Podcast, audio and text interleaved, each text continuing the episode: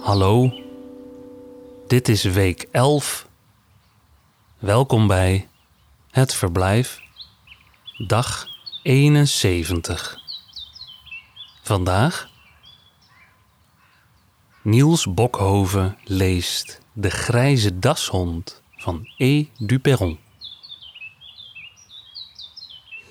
Het eerste deel, het huis, de strofe 1 tot en met 6.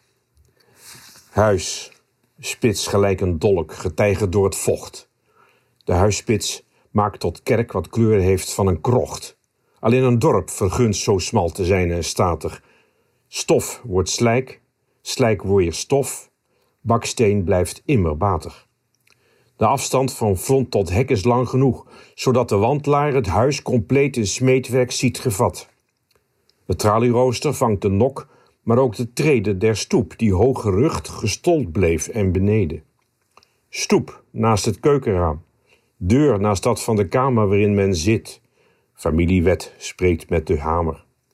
Tweemaal twee ramen boven, schijnbaar hart aan hart. De deur, schoon zwaar van glas, sluit als een plank en zwart. Eén tralie splijt het huis, maar voor wie buiten staat. De blaren liggen geel en roerloos. Wat vergaat, doet dat in stilte en afgeschud onder de krullen waarmee een hek zijn taak in schoonheid mag vervullen.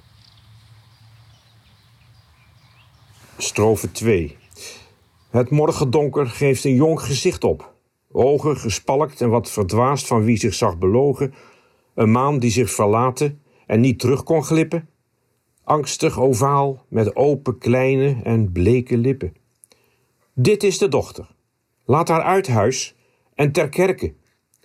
Zij staart. En het is naar het loon, beloofd voor goede werken. Hier rust de schoonste maagd in aardes koude schoot, al naast de jongeling. Maar waarom in de dood? Raamlijst en het eerste licht maken haar tot icone. Kerkboek en somber kleed is wat de maagd moet tonen. Een lichaam smal en pril is snel verholen pracht. O vroege maan, verdwaasde maan, o maan op wacht.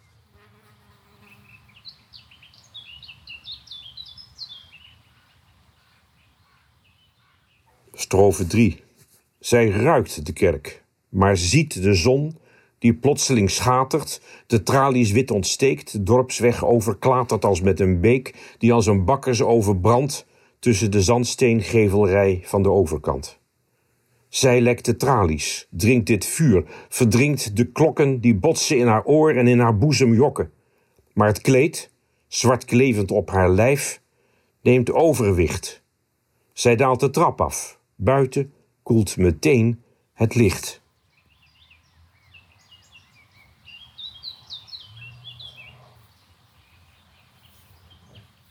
Strofe 4. In de tuin staat een man. Zijn rond gezicht draagt baard. Het haar à la capoule, rugbol, maar onvervaard. Hij glimlacht naar zijn steen, een paddenaar geworpen. Het is Panza, gouverneur, maar in de rust der dorpen. Zo, Fanny. Morgen, vader. Naar de mis geweest? Ik ga nu. Hij gaat niet, al heeft hij God gevreesd van kind af. Hij is nu oud en dik en ook aanmächtig. Zijn mond grijnt joviaal, zijn stem klinkt hol en plechtig. Alleen, hij hoefde niet te vragen, want hij wist dat de ander nog in huis was, nog niet kon gemist voor het ontbijt. Zij, die geen hoogmis laat ontsnappen, wier stap, het hek eens door, kleeft aan zijn dochter stappen.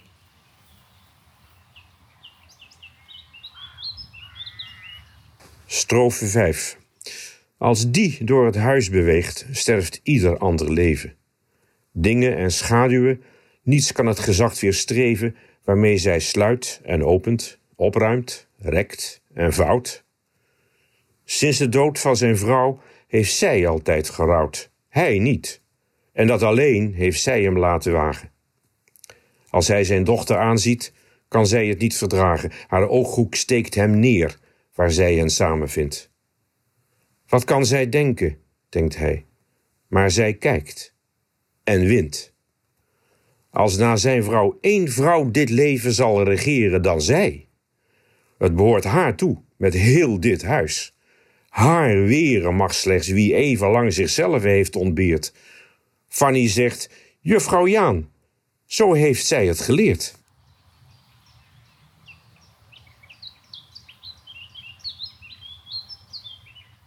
Strofe 6 S'nachts neemt het huis zijn recht, verandert van gestalte. Rekt zich uit in de breedte, alsof het een overgeval te duchten had, doodelijk bleek. Opent zich dan, vervoerd. Diepe nissen ontstaan. Schaduwen komen kolken daarin, of slieren zich daar rond als steenkoolwolken. Maar het huis ontdekt zich ruim, vergeet zich toegesnoerd.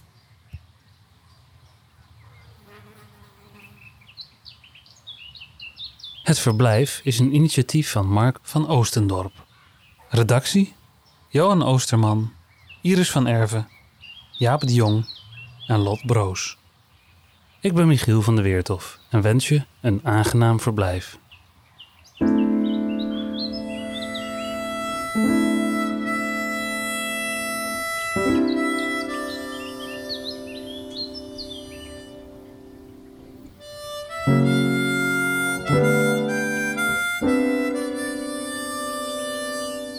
Tot morgen.